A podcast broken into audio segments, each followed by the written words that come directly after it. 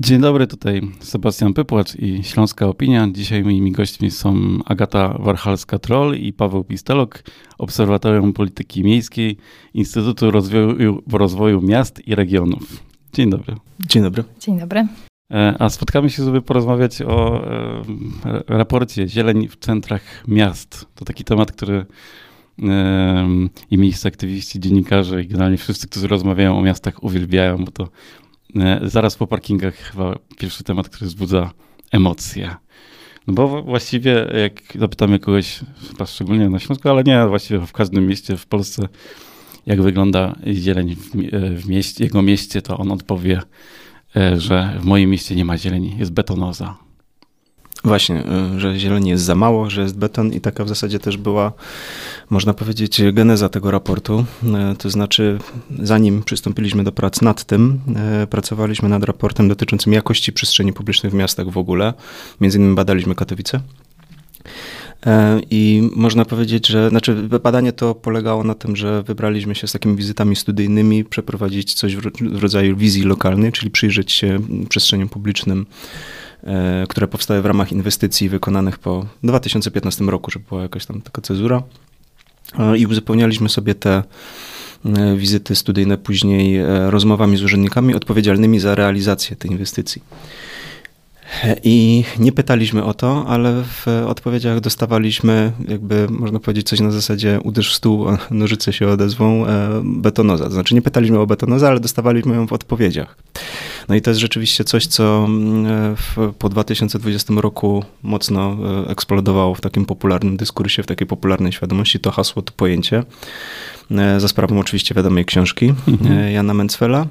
No i jakoś mniej więcej w tym samym czasie, no więc mieliśmy już jakieś tam wnioski z tego raportu, który się pisał i w międzyczasie do Instytutu zgłosiło się Ministerstwo Klimatu i Środowiska, które koordynuje taką inicjatywę Koniec z betonem w centrach miast. No i tak my się znaleźliśmy w tym projekcie, no nie? Y, tak, tak, dokładnie tak było. Tutaj na bazie wcześniejszych kontaktów z naszym właśnie, y, z naszym obserwatorium y, Ministerstwo Klimatu tutaj wystąpiło z prośbą o taką współpracę. Bardzo nas w tym też wsparło, bo dzięki temu mogliśmy też przeprowadzić takie ogólnopolskie badania sondażowe, gdzie sami własnymi siłami nie moglibyśmy tego dokonać, także to było ciekawe uzupełnienie. Ja tu jeszcze właśnie po, pozwolę się sobie troszeczkę nie zgodzić z Pawłem, bo to myślę, że się ścierają takie, takie różne podejścia, tak? Niektórym właśnie, niektórym, niektórym niektórzy uważają, że jest betonoza w centrach miast, a z kolei e, inni zazwyczaj te, te grupy mieszkańców tak są, się ścierają właśnie w, w debacie. E, niektórzy twierdzą, że drzewa przeszkadzają, że są liście i że trzeba byłoby właśnie, albo wręcz zabijają, tak, bo gałęzie spadną przy, przy, przy silniejszym wietrze na samochód albo na człowieka, co gorsze, albo wyskoczą na drogę, tak. E, I, i niektórzy uważają, że trzeba byłoby centra miast y, oczyścić właśnie z tej zieleni. Także y, no, tutaj może dzięki betonozie y, jakby troszeczkę przeważyła ta opcja, gdzie właśnie zieleń zaczęto bronić, ale ciągle te głosy są takie, one się ścierają w przestrzeni publicznej i to też było dla nas ciekawe i w wywiadach potem z miastami, z urzędami miast, te głosy też się właśnie widać było, że się ścierają i że urzędnicy często pierwszy telefon, jaki odbierają, to, że dlaczego wycięliście nam drzewo, a drugi telefon, dlaczego... Czemu ta trawa jeszcze nie jest skoszona? Tak, tak, dokładnie, dokładnie. Dokładnie. Także to, to, to jest cały czas taki, takie napięcie tutaj w tej publicznej sferze. To gdzie leży e, problem albo gdzie leży prawda? Ja pamiętam, że kilka lat temu rozmawiałem z aktywistką zajmującą się drzewami, która e, po kilku latach została e, pracownikiem Zakładu Zieleni Miejskiej. To akurat był Wrocław. I ona opowiada, że bardzo długo zajęło jej nauczenie się tego, że niektóre drzewa na przykład trzeba wyciąć, bo po prostu tego wymaga. Jest taki moment, kiedy naprawdę trzeba, drzewo trzeba wyciąć, a są też drzewa, których trzeba bronić także z perspektywy urzędnika. Czy to jest e, coś, co jest e, wymierne, można taką prawdę na temat zieleni w miastach znaleźć, czy to jest zawsze ważenie trochę jakiegoś interesu. I właśnie czyj interes powinien być najważniejszy? Środowiska, mieszkańców, miasta, które utrzymuje na przykład e, chodnik albo drogę, bo najczęściej z perspektywy miasta to jest e, mm, komentarz, że a oto drzewo nam rozwala chodniki i infrastrukturę podziemną. E, z perspektywy mieszkańców to powiedzieliście to bezpieczeństwo i spadają nam gałęzie na samochody, a z perspektywy niektórych mieszkańców no to, to jest potrzeba i chęć zieleni. Czy jest jakiś złoty środek? Tak, to znaczy tutaj odnosząc się do tej uwagi o korzeniach, które rozsadzają chodniki, e, to trzeba wspomnieć od razu, że są już e, takie sposoby na to, żeby tak sadzić drzewa, żeby może nie, że w samym betonie urosły, ale żeby jakby e, odseparować infrastrukturę od, ziele, od właśnie korzeni, od rośliny i dać obydwu tym rzeczom funkcjonować sobie razem.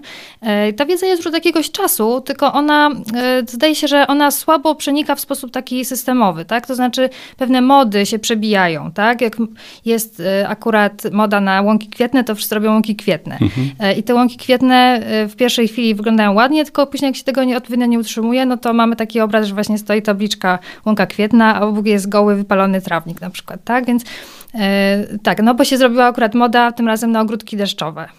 E, I to właśnie tutaj też, też, też to do nas dotarło w trakcie pisania tego raportu, że to jest jedno z ważniejszych wyzwań, że właśnie trochę samorządy tak gonią za pewnymi modami, może też za środkami, które się pojawiają, a nie ma takiej może jeszcze często zbyt pogłębionej refleksji, co tak naprawdę w danym mieście się sprawdzi, co będzie takie długofalowe. To też może no, kwestia tutaj czasem kadencji waży, tak? Czy, czy jakby w ogóle planowania w takich bardzo krótkich okresach.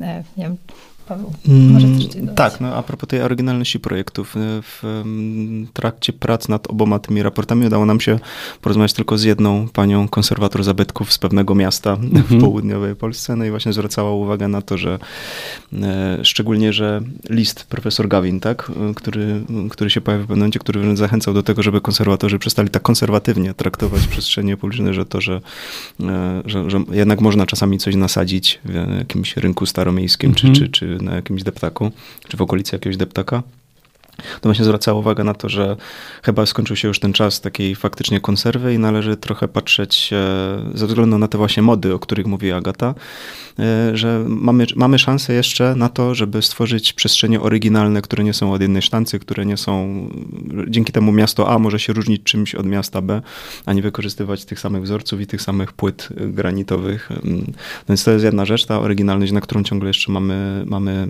szansę. A druga rzecz to a propos tych rozwiązań związanych związanych z korzeniami, tak, o których mówi Agata, no może czasami często jest tak, że czasami często jest tak, że to, to tylko miasta i tylko urzędnicy wiedzą, co zastosowali, mhm. a mieszkańcy tego nie widzą z poziomu chodnika. No i to jest przykład akurat w Katowicach ulicy Dworcowej, która z tego co pamiętam to w prasie lokalnej zebrała niezłe baty, natomiast jak my się, jak my się wybraliśmy do Katowic z wizytą, porozmawiać też z ludźmi odpowiedzialnymi za zrealizowanie tej inwestycji, to naprawdę te rozwiązania, o których mówiła Agata, zostały zastosowane. Więc e, te drzewa no, prawdopodobnie nie uschną, można tak powiedzieć. No tak, Katowice się na błędach już nauczyły. Tam ulica Mariacka jest e, takim chyba negatywnym przykładem, gdzie ta zieleń na początku była, ale nie przeżyła z różnych dziwnych powodów. Akurat tutaj, nie, nie tu, tutaj rozmowa toczyła się w odniesieniu tego, co, co można było naprawić i czego można było się nauczyć po doświadczeniach związanych z drzewami na rynku tak, tak, na placu tak, kwiatowym. Tak, dojść, ale, ale tam. Mariacka mi tak jako pierwszy przykład takiego e, mhm. miejsca, którego zieleni właściwie w tym momencie chyba już w ogóle nie posiada. Przyznam, że ja Mareckie nie kojarzę w no. ogóle z... A tam na początku było to takie... E, miał być też system nawodnienia tej zieleni, ale mhm. no właśnie e, tutaj czynnik ludzki zawiódł. To na Dworcowej się to udało. Wracając jeszcze do odpowiedzi na to pytanie, może na to główne pytanie, tak? Mhm. Czyli co jest ważniejsze, czy interes powinien być na pierwszym planie, E, to my tutaj bronilibyśmy takiej tezy, że te interesy da się spokojnie pogodzić i że kluczem takim też e, takim koncepcyjnym do tego może być e, z jednej strony wielofunkcyjność przestrzeni, a z drugiej strony też wymienność funkcji. Tak? Jeśli robimy jeden plac pod na przykład z przeznaczeniem na też imprezy masowe, na jarmarki, co też jest ważną funkcją miasta i centrum miasta, to wtedy od razu planujmy to, żeby tej zieleni było więcej w innych miejscach. Tak jak właśnie wspomnieliśmy, to się już technicznie da zrobić, tak żeby nawet wzdłuż ulicy tą zieleń skutecznie dodać. I właśnie też tutaj taką drugą ważną dla nas koncepcją, która jest jakby rozwinięciem tego, to jest Zielone Miasto Zwarte, gdzie, czyli chodzi o to, żeby miasta nie rozlewały się na sąsiadujące tereny. Oczywiście w pewnym sensie ten proces jest naturalny i nie, nie, nie, nie zawsze trzeba go tak zwalczać jakby e, do zera. E, natomiast no, dla, zarówno dla ludzi, gdzie są to koszty ekonomiczne, budowanie infrastruktury, tak, ale też dla samej przyrody, która, gdzie po prostu budując się poza miastem, zabieramy też tereny, które wcześniej nie były zurbanizowane. Byłoby lepiej, żeby jednak miasta były dosyć zwarte, ale oczywiście, żeby ludzie chcieli, mogli tam wytrzymać, tak, w dobie też tego ocieplania się klimatu, no to musimy tą zieleń umiejętnie wprowadzać na zasadzie czasem może niewielkich powierzchniowo, ale jednak takich gęstych, e, gęstych zielonych interwencji, tak można w cudzysłowie to ująć. Czyli właśnie zielonych alei, wykorzystywania ciągów e, wodnych, e, tworzenia niewielkich takich zielonych przestrzeni mhm. w centrum. Tak, bo takimi teoretycznymi podstawami, od których wychodziliśmy, no to były rozmaite koncepcje i teorie związane z, znaczy obecne i naturalne, właściwe dla socjologii miasta, dla socjologii przestrzeni publicznych. Czyli koncepcja funkcji, jakie powinny spełniać przestrzenie publiczne, praw, jakie mieszkańcy mają, czy jakie mogą realizować, tak? Czy nie tylko mieszkańcy, ale też użytkownicy, jakie mogą realizować e, w przestrzeni i nasycanie rozmaitymi znaczeniami w skali lokalnej, czy, czy, czy odnoszącej jakby tą lokalność do jakiegoś takiego szerszego kontekstu. No i właśnie tutaj się splatają te funkcje e, związane na przykład z tym, żeby można było na w danym placu zorganizować jakąś uroczystość. Nie mówię o evencie typowo mhm. rozrywkowym, ale też uroczystość, nie wiem, no, o, o, charakterze państwowym na przykład. Mhm. No i to jest to, że jakby to jest zawsze pewnego rodzaju gra o przestrzeń, no i to jest zawsze jakiś tam argument czy, czy naturalny sposób myślenia dla samorządowców, którzy urządzając nową przestrzeń, myślą o tym, do czego można ją wykorzystać. No i tutaj się to właśnie tak splata. No i to, czym Agata mówi, czyli o funkcjach, no to tak naprawdę zmierzamy w kierunku zielonej akupunktury i błękitno-zielonej infrastruktury, czyli dwóch takich terminów, które no też nam jakoś towarzyszyły i tworzą jakoś ten kontekst rozmowy. To o, może o, tak o... krótko wyjaśnijcie. Termin błękitno-zielonej infrastruktury, on no już troszkę y, zaistniał także w medialnym, w medialnym dyskursie. Chodzi o to... E, akum, tak, akupunkturę, akupunkturę może bardziej, tak, no bo ta infrastruktura to tak dosyć to intuicyjnie rozumiemy. Mhm. Akupunktura, no to jest to odwołanie oczywiście do medycznego terminu, gdzie do zabiegu z medycyny wschodniej, gdzie wzbijamy szpilki w takie najbardziej jakieś wrażliwe miejsca, gdzie po prostu przez tą jedną szpileczkę rozwiązujemy duży problem, tak? Czyli mhm. przez punktową interwencję rozwiązujemy problem, który dotyczy całego organizmu albo jakiejś większej, większej partii ciała. No i to dokładnie w ten sposób ma działać też e, w mieście, czyli przez to, że e, przy, przez taką przemyślaną, bardzo celowo, celową, punktową interwencję, na przykład stworzenie jakiegoś dopełnienia, na przykład jakiegoś zielonego ciągu, uzupełnienie korytarza napowietrzającego, stworzenie e, jakiejś malutkiej zielonej oazy w miejscu, które wiemy na przykład z badań, że się przegrzewa bardzo, no rozwiązujemy problem troszeczkę w szerszej skali. I e, no to ten, term, ten, właśnie ten termin bardzo dobrze pasuje też do koncepcji miasta zwartego, gdzie zakładamy, że nie ma często przestrzeni na jakieś bardzo rozległe parki, na przykład w centrum, ale przez to, że dodamy więcej tych małych zielonych punktów, możemy tą sytuację E, taką e, klimatyczną e, w skali dla, dla, dla najbliższych, dla mieszkańców tego terenu po prostu poprawić, uczynić to życie po prostu przyjemniejszym, bardziej, bardziej, bardziej zdrowym, nawet w tym centrum miasta. No i taka błękitno-zielona infrastruktura, czy takie, czy akupunktura, czy jakiego rodzaju zielone interwencje w mieście, znowu nas odsyła z powrotem, znowu będę mówił teraz o tych funkcjach, no bo z jednej strony, no jedną z takich funkcji przestrzeni publicznych, czy, czy, e, czy, czy czynności, czy aktywności, które można realizować, to jest po prostu odpoczynek. Ważne jest to, że było można sobie gdzieś klapnąć na kawie, wyciągnąć gazetę, po prostu chwilę się zatrzymać i nic nie robić. No i z jednej strony można to zrobić w parku, to znaczy przestrzenie publiczne zielone, zieleń może być z jednej strony sama przestrzenią publiczną w całości, tak, na przykład parkiem, E, ale może też uzupełniać te nasze takie miejskie, śródmiejskie przestrzenie publiczne, typowe i najbardziej naturalne dla nas, czyli rynek albo aleja główna, czy tam ulica śródmiejska. No mhm. Więc z jednej strony e, można uzupełniać o naturalne elementy, te typowo sztuczne przestrzenie, takie jak rynki, a z drugiej strony o sztuczne elementy można uzupełniać przestrzenie otwarte, E, czyli parki. No i tutaj ważne jest e, umiejętne zastosowanie małej architektury, tak? Czyli to na to też zwracaliśmy uwagę, że było, było coś, co się nazywa triangulacją e, w tego rodzaju przedsięwzięciach, czyli pilnowanie, żeby elementy małej architektury, które gdzieś tam wprowadzamy, a razem pracowały na wspólny efekt, czyli też poszerzały funkcję oczywiście takiego parku czy takiego terenu zieleni. No i przykładem tego, mm, o czym mówię, może być umiejętne połączenie są ławka, kosz na śmieci i latarnia Mhm. Żeby można było, żeby to też można też poczytać, ale też buduje to światło, doświetlenie jakiegoś obszaru, mm, buduje poczucie bezpieczeństwa w jakimś tam miejscu. No Oraz możemy dodać do tego element zielony właśnie, tak? Czyli jeszcze na przykład drzewo, czy, czy jakiś krzew albo pergole, e, gdzie dodatkowo zapewniamy pogodoodporność tak zwaną te, tego miejsca, czyli nawet w upalny dzień jest tam przyjemnie posiedzieć.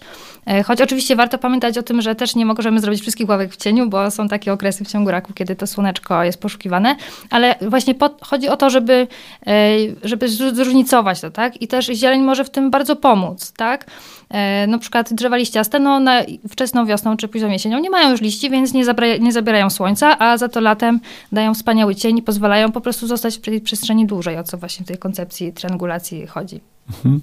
To nie było jakieś badanie, e, raport przygotowany w jakimś zawieszeniu i w jakimś ogóle macie to studium przypadków. Chyba, chyba to kutno jest takie najbardziej kontrowersyjne. I ona się chyba wpisuje w taką, e, taki, taki, taki, trend, który kiedyś właśnie zastanawiałem się, szczególnie czemu te miasta takiej średniej wielkości, czy małe, e, mają te ręki tak betonowe i e, kilku urzędników i kilku samorządowców różnych miast powiedziało mi, że powód jest jeden, środki europejskie. Po prostu najłatwiej było napisać projekt na zabetonowanie rynku, a jak się wprowadzało jakąś zieleń, to trzeba było wymyślić, jak to potem utrzymywać i uzasadnić utrzymywanie tej zieleni. Tak, no Kutno jest y, faktycznie jednym ze sztampowych przykładów e, betonozy. Tutaj to jest dosyć nowa realizacja dosłownie sprzed, sprzed dwóch czy trzech lat. ma krótką historię, tak, ale długą przeszłość. Krótko, krótką historię, ale długą przeszłość, dokładnie. To może Paweł, wiem, że bardzo lubisz o tym przykładzie opowiadać, także dam ci głos. Znaczy, czy lubię? No szkoda, że trzeba o nim opowiadać, nie? W pewnym sensie, bo, bo znaczy rzeczywiście to była jedna z rozmów takich najbardziej budujących dla nas. Znaczy chyba cały pół urzędu chyba spotkało się w sali konferencyjnej, żeby z nami przez Teamsa porozmawiać o tym, jakoś to wyjaśnić. Mieli, mieliśmy wrażenie, że oni mają poczucie że nikt ich dokładnie nie wypytał, jakby jak do mhm. tego doszło. Znaczy, co oczywiście też nie jest do końca prawdą, bo tam wiadomo, że były, wiem, że jakoś tam prasa lokalna podpytywała urzędników, jak to się stało, jak do tego doszło. E, natomiast e, Kutno jest takim nieoczywistym, czy ono nie jest tak prostym przykładem, jakby to wynikało. Ja wiem, że ono zostało takim symbolem, tak, polskiej betonozy. Poparze, wiesz co, może najpierw króciutko przybliżę tym osobom, które nas słuchają, właśnie co tam dokładnie stworzono, bo może nie wszyscy do końca są w temacie. E, mianowicie mówimy tutaj o Placu Wolności. Jest to jeden z dwóch głównych placów Kutna. Kiedyś był był placem ważniejszym. Obecnie jest jakby drugi w kolejności, bo funkcję taką bardziej reprezentacyjną przejął plac Piłsudskiego i on jest takim bardziej aktualnie tym, co rozumiemy przez rynek, chociaż te dwa place są, e, są jakby trochę kompatybilne, do, do czego może jeszcze później też wrócimy. Natomiast tak, tam znajdował się parking e, asfaltowy, taką typową nawierzchnią, jaką tam z lat 90. dobrze pamiętamy. Wokół były jakieś takie niewielkie murki, trawniki, tam kwitł taki drobny handel, co było też takim trochę kolorytem tego miejsca. Czasem się odbywały tam koncerty, ale przede wszystkim był to parking. E, I przez, przez szereg lat próbowano tam właśnie coś wymyślić, co, co, jak można by tą przestrzeń no, odnowić. E, stanęło na tym, że pozostał, pozostał tam parking, tylko zadaszony, czyli mamy do czynienia z takim, tam jest w ogóle spadek terenu, więc żeby go wyrównać, to stworzono właśnie tą część podziemną. E, na jej dachu jest plac taki z fontannami, z różnymi elementami też betonowymi, ale też do, na przykład donicami z roślinnością. Już teraz tak. Już teraz tak. Już teraz tak. Wokół są nowe nasadzenia, które no tutaj akurat e, no, trzeba po prostu poczekać, tak, zobaczyć jak one sobie dadzą radę. E, wcześniej ich w tym miejscu nie było, no były to takie trawnичki okalające ten parking, także to drzewa są tutaj w niektórych miejscach akurat pewną nowością, choć parę drzew jednocześnie też usunięto, niemniej to nie była jakaś wielka skala, że to był zielony skwer i zrobiono tam beton. Był parking, e, został parking, tylko no tutaj były też wątpliwości co do, do estetyki tego miejsca, bo zwłaszcza patrząc od strony południowej, no jakby widzimy wjazd e, na parking, tak, czyli jakby z parterów kamienic ten widok jest niezbyt ciekawy. Tym niemniej no, no jakby funkcja została utrzymana i tutaj urząd w rozmowie z nami podkreślał, że to jakby mieszkańcy tego właśnie oczekiwali. Jest to niewielkie miasto, e, gdzie jest jakby ta skala, jakby, jakby okoliczni mieszkańcy przemieszczają się głównie samochodami, więc żeby przyjechać do sklepu, e, no jakby nie, nie, nie funkcjonuje tak jak w dużej metropolii, czy, czy w dużym mieście ta komunikacja, która może dowieść wszystkich, tak? Także to był taki argument. E, no to o historii projektu i jak urząd się poczuł z tym, możesz Paweł dopowiedzieć. No, bo to, co, no właśnie, to jest ten wątek mieszkańców, tak? Mieszkańcy tego oczekiwali. No i zawsze to, co ostatecznie nazywamy betonozą, czy to, co powoduje efekt, który później nazywamy betonozą, to jest tak naprawdę efekt różnego rodzaju napięć i gry o przestrzeń, e, napięć pomiędzy tym, co miasto chce zrobić, co miasto może zrobić, a tego, co oczekują mieszkańcy. Nie? Mhm. To, pamiętajmy, że jakie mniejsze miasta, to jak e, powiedział nam burmistrz jednego mniejszego miasta raz, nie jesteśmy Krakowem i jak na przykład zamkniemy dojazd do rynku, tak, znaczy Kraków jak sobie zamknie dojazd do rynku i nawet jakby zalesił cały rynek, e, to, to jakby turyści przedsiębiorcy, pozostaną. tak, turyści pozostaną i przedsiębiorcy, mhm. którzy prowadzą swoje biznesy w Krakowie, to, to, to, to, to jakoś, jakoś wyżyją z tego. Znaczy oni tam zostaną i to nie zaszkodzi. To Kraków jest zamknięty, więc... Tak, tak, tak, no ale no właśnie, to, ale to, a co, ma, co mają powiedzieć takie mniejsze miasta właśnie typu e, Rawicz albo Kutno? No mhm. i z Kutnem jest też tego rodzaju rodzaju kłopot, że no właśnie, znaczy przede wszystkim zacznijmy od tego, że niczego mieszkańcom nie zabrano, dlatego że to nawet nie jest tak, że jakby została ograniczona powierzchnia przepuszczalna, tak, tym, dlatego że ten parking, który tam wcześniej był w tym miejscu, był asfaltowy. To nie jest tak, że samochody sobie stały na klepisku, które jakoś tam tą wodę wchłaniało. Mhm. Tyle, tylko oczywiście można się spierać o estetykę tego, co tam powstało, ale tyle, że no po prostu powstało coś, na co teraz można się wspiąć i, i gdzie tam można sobie jakoś spędzić czas. Zresztą ten projekt też ewoluował. No jedna z tych rzeczy, jedna z tych cech tego w cudzysłowie oczywiście dyskursu betonu, tego prasowego, no to jest taka, że często jakby dziennikarze e, przyjeżdżają w dniu otwarcia danej inwestycji. Albo właśnie dwa dni przed nawet. Albo dwa dni przed, robią zdjęcia, jakby określają dane miejsce jako e, ofiarę betonozy i przestają się tematem interesować, gdzie często dopiero w późniejszych albo końcowych etapach ta przestrzeń dalej jeszcze żyje i później dalej jest gdzieś tam uzupełniana jakieś dodatkowe tak, nasadzenia, tak, czy jakieś elementy małej architektury, która powoduje, że ten rynek może jakoś inaczej wyglądać. Oczywiście ja wiem, że są skrajne przykłady i jakby to też się nie wzięło znikąd. Nie twierdzimy, że mhm. betonozy nie ma. E, natomiast skutkiem jest jeszcze taka historia, że ten projekt, jak powiedziałem, no ma długą przeszłość, to powstał, oddany został dopiero niedawno dawno i wtedy mleko się rozlało. Natomiast e, chyba 10 lat trwało tak ogólnie e, tak. opiniowanie, konsultowanie. E, jakby inaczej, Urząd Miasta ma takie poczucie, że został troszkę oszukany przez system, a w trakcie e, gry zmieniły się zasady tej gry. Dlatego, że mają poczucie, że jakby zadbali o każdy etap. Projekt był konsultowany ze wszystkimi możliwymi gremiami, e, nawet chyba z Politechniką Łódzką, tak, tak ten, a potem, a potem jakby wszyscy się o nich odwrócili, kiedy w międzyczasie, mniej więcej w tym samym czasie pojawiła się książka, która spopularyzowała hasło betonozy i wszyscy inwestycje, która powstawała przez prawie 10 lat, zaczęli interpretować w perspektywie pojęcia, które jest popularne, było wtedy popularne od mniej więcej roku, nie? W tamtym czasie. Mhm. Tak, tak. Ale też wyobrażam sobie taką sytuację, że jednak pomimo tego, że to hasło betonoza e, istnieje i e, oczywiście ma negatywne konotacje, to może nie wszyscy samorządowcy mogą iść tropem e, włodarzy Kutna, którzy gdzieś szukają tego rozwiązania, no bo jednak to taki argument, potrzebujemy betonowego placu, do wielu mieszkańców też trafia. To nie jest tak, że wszyscy chcą zieleni. Tak, no takim dobrym wyznacznikiem też, czy coś się udało, czy nie, jest to, czy ludzie z tego korzystają. Tak? Mhm. Akurat e, to są też właśnie dwa skrajne takie przykłady w naszym raporcie, jak Włocławek i Kutno, e, gdzie obydwa miasta są symbolami betonozy. W ogóle Włocławek to jest nawet na Wikipedii, jako jak wyklikamy betonozy, to jest mhm. właśnie Włocławek. Tak, ale Kutno tak samo zaistniało właśnie bardzo intensywnie. E, tym niemniej no, z naszych obserwacji też terenowych, bo w każdym z naszych badanych miast byliśmy osobiście, wynika, że jednak ten plac w Kutnie żyje. To znaczy nawet w, w, w, tym największy, w ten największy skwar, przez to, że tam jest kawiarnia, e, że tam są te elementy wodne, że tam ludzie przebywają. Oczywiście tam w ogóle to śródmieście ciągle jeszcze dosyć fajnie żyje, są tam, jest ten handel, jest, jest gastronomia, e, także to jest na pewno jakby można oczywiście powiedzieć, że to pomimo tej betonozy on żyje. Jakby tego nie dociekaliśmy, tak? Czy, czy to dzięki niej, czy, czy pomimo.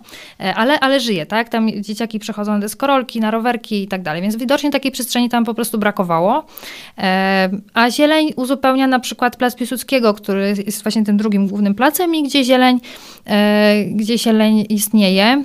Oczywiście tam prawdopodobnie można byłoby trochę poprawić jej kondycję, coś tam zmienić, ale ogólnie ona jest i ona zawsze w założeniach tego placu była, bo on, on został troszkę później wytyczony, jakby ta zieleń zawsze tam była przewidziana i ona do dzisiaj, do dzisiaj jest. E, natomiast we Włocławku, który jest właśnie drugi, drugim ciekawym przykładem, jest stary rynek, który tak właśnie ten drugi symbol betonozy krajowy. E, no i to miejsce jest puste. Ono jest puste wieczorem, ono jest puste rano i puste jest w południe. Także niezależnie od tego, czy jest tam skwarczy, czy jest, czy jest przyjemny chłodek. E, no i tutaj przyczyny pustki są właśnie takie społeczno-ekonomiczne, tak? bo to miasto się boryka z bardzo głębokimi problemami, które w ogóle jeszcze koncentrują się właśnie w tym śródmieściu, którego centrum jest ten stary rynek. No i tutaj można się zastanawiać, czy gdyby pozostawiono trawniki, które tam w którymś momencie zostały usunięte, czy tak naprawdę to by coś zmieniło? No prawdopodobnie nie. To znaczy, Oczywiście zawsze dodanie tam zieleni, na to jest tam miejsce i takie są plany, tylko to musi zostać zrobione kompleksowo właśnie z zaadresowaniem też wielu społecznych, społecznych potrzeb. Także to jest, to zresztą jeszcze te kwestie. Tam też w okolicy nie ma żadnych tych takich pierzei, tak, które przyciągają ludzi. To, co się znowu w placemakingu nazywa aktywne krawędzie, mhm. nie wiesz, nie? czyli kawiarnia, księgarnia, coś, co powoduje, że ludzie przychodzą, tak. a jak już tam są, no to sobie zostaną na tym rynku. Zniknęli tam... szewcy, a nie pojawiły się kawiarnie. Tak. To też mówiliśmy o Mariackiej. Mariacka też początkowo miała z tym problem, że nie było właśnie takich, takich e, podmiotów, które stworzyłyby życie na tej, na tej ulicy. No właśnie już teraz, e, już nie wiem co myśleć sam o Mariackiej, nie? No bo znaczy, na początku... Jesteśmy w innym miejscu, myślę, że ulica tak. mówiła o tych e, takich początkowych latach, to gdzie rozmawialiśmy na początku. Tak, tak, to, że tam nie było nic, później był boom oczywiście, tak, tak w tak. okolicy a teraz SK, a teraz podobno znowu nie jest tak dobrze, jakby mogło być. Tak, ale to inny, tak. Tak. E, oczywiście e, jako ze Śląska Opinia to lubię szukać śląskich przykładów i, i znalazłem taki w, w dobrych praktykach i to, to wydaje mi się, że to może być nawet dla wielu zdziwienie, bo pojawiła się w dobrych praktykach tężnia solonkowa w Chorzowie, która w, wśród mieszkańców Chorzowa budzi też emocje, trochę takie jak sprawa sadzenia czy wycinania drzew, to Mhm. No tak, jest to duży obiekt, który na pewno tą przestrzeń e, zdominował, tak? Mhm. E, był skwer e, tam z pomnikiem, no jest teraz tężnia, która jakby dominuje, dominuje tam, w, w tej okolicy. Dla nas jednak mimo wszystko no, w mieście poprzemysłowym, które boryka się wciąż z dużym zatłoczeniem, właśnie też w, w, w związku z tym, że rynek chorzowski to jest tak naprawdę potężny węzeł komunikacyjny, tak? Jest tam mastakada, wiadomo, że jest to zanieczyszczenie. To wydaje się, że ta tężnia ma tutaj pozytywne, może mieć pozytywne znaczenie. Natomiast oczywiście jako taka dominanta tego miejsca, no może być odbierana, e, odbierana jako pewna kontrowersja. E, e, z tego, co w urzędzie nam powiedziano, to mieszkańcy to na tą lokalizację głosowali, tak? Mhm. Także no, nigdy się nie zadowoli wszystkich, tym niemniej było to w jakiś tam sposób z nimi e, skonsultowane. To trochę podobna sytuacja jak Kutnie. No tak, tak, tak, tak. Że konsultowano, ale akurat w innym gronie. E, innych mieszkańców niż, niż, niż teraz protestują. Nie? To, to, to jest taki trochę problem i no tak. chyba o tym też tutaj gdzieś trochę piszecie, czyli no właśnie, czy rozwiązaniem tych wszystkich problemów są konsultacje, edukacja, kogo? Obawiam się, że jak zejdziemy na manowce dyskusji o edukacji, to, to, ja wie, ja to próbuję właśnie wylądować i znaleźć taki mm, coś, co, e, co powinniśmy e, wszyscy z tego mm, e, raportu wynieść, którego przeczytamy, a nie, może niekoniecznie jesteśmy samorządowcami, którzy jakieś zastosowania, jakieś konkretne zastosowania mogą wyjąć, ale coś trzeba w swoich nastawieniach zmienić. Znaczy to jest w ogóle trudny problem, właśnie boję się takiej dyskusji o sensowności, o skali, o zasięgu partycypacji, o mhm. tym, jakimi technikami informować, e, w jaki sposób zapraszać. No myśmy się pokusili o coś takiego w raporcie dotyczącym tej jakości tych przestrzeni publicznych i nazwaliśmy to przepisem na przestrzeń. No i tam jakby no proponujemy, ale tak naprawdę nic więcej poza tym, co już wiemy o tym, czym jest partycypacja. Czyli no przede wszystkim po prostu identyfikację wszystkich możliwych typów interesariuszy i to może jakoś się e, ukierunkuje bardziej, czyli osób najbardziej zainteresowanych, ale tym wycinkiem przestrzeni, e, w której się dzieje ta inwestycja, w której się dzieje dokładnie ta zmiana. Więc mamy na myśli nie tylko mieszkańców, którzy gdzieś tam w pobliżu mieszkają, chociaż coraz częściej w centrach trudno mówić o mieszkańcach jako takich, no ale y, mieszkańców, którym jest powiedzmy najbliżej, ale też wszystkie podmioty, które są zainteresowane tym, jak ta przestrzeń będzie funkcjonować, czyli tych, którzy prowadzą swoje sklepy, biznesy, którzy tam z jakiegokolwiek powodu mogą przychodzić również. Czyli identyfikacja interesariuszy, e, no ale a o tym, jak informować mieszkańców, no to tak jak mówię, no to jest dyskusja o partycypacji jako takiej i, i o, o idei, o celowości i to jest chyba już temat wiecznie aktualny. No tak, można tak, by tak. naprawdę Nie wiem, czy Agata chciałaby jakoś uzupełnić, ale może, ja się tego boję.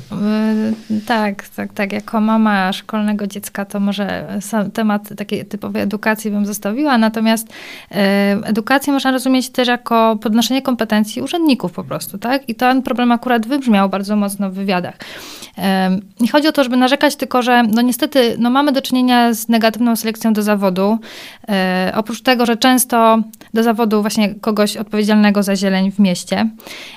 E, oczywiście e, oprócz, to znaczy oprócz tego, że czasem zwyczajnie w urzędzie nie są te kompetencje też dobrze tam osadzone, tak? To znaczy osoba zajmująca, zwłaszcza w mniejszych miastach, osoba zajmująca się zielenią ma jeszcze szereg innych obowiązków, więc no ten problem, to, tą kwestię traktuje jakoś tam gdzieś pobocznie, bo, bo tak, tak, to, tak to musi być. Chociaż nawet w małych miastach, jak na przykład Siechnice, znaleźliśmy też dobre przykłady, gdzie faktycznie pion zieleni był bardzo, bardzo mocno tam wyeksponowany, to, to jest super. Natomiast oprócz tego jeszcze jest potrzeba, żeby właśnie przyciągnąć osoby z taką ekspercką wiedzą, tak? Właśnie po ogrodnictwie, po, po jakichś przyrodniczych kierunkach, ale też z takim trochę zacięciem społecznym, ze zrozumieniem tego, że trzeba czasem coś wynegocjować, czasem coś spokojnie wytłumaczyć, komunikować pewne, pewne kroki. E, do tego brakuje. E, to jest trudne oczywiście, jak to, jak to rozwiązać, ale myślę, że, że jeśli mielibyśmy czymś takim konstruktywnym e, próbować skończyć, to, to że warto w to, w to, w to zainwestować, w kapitał ludzki, w, też, też w, w naszych urzędach, w tych pionach dotyczących zieleni. Mhm. Rozmawialiśmy o raporcie Zieleni w centrach polskich miast, stan, funkcje i wyzwania do znalezienia na stronie obserwatorium. E, chyba najłatwiej tak trafić. A moimi gośćmi była Agata Warchalska-Troll i Paweł Pistolok. Dziękuję bardzo. Dziękujemy bardzo. Dziękuję. To był podcast zrealizowany przez Stian Media.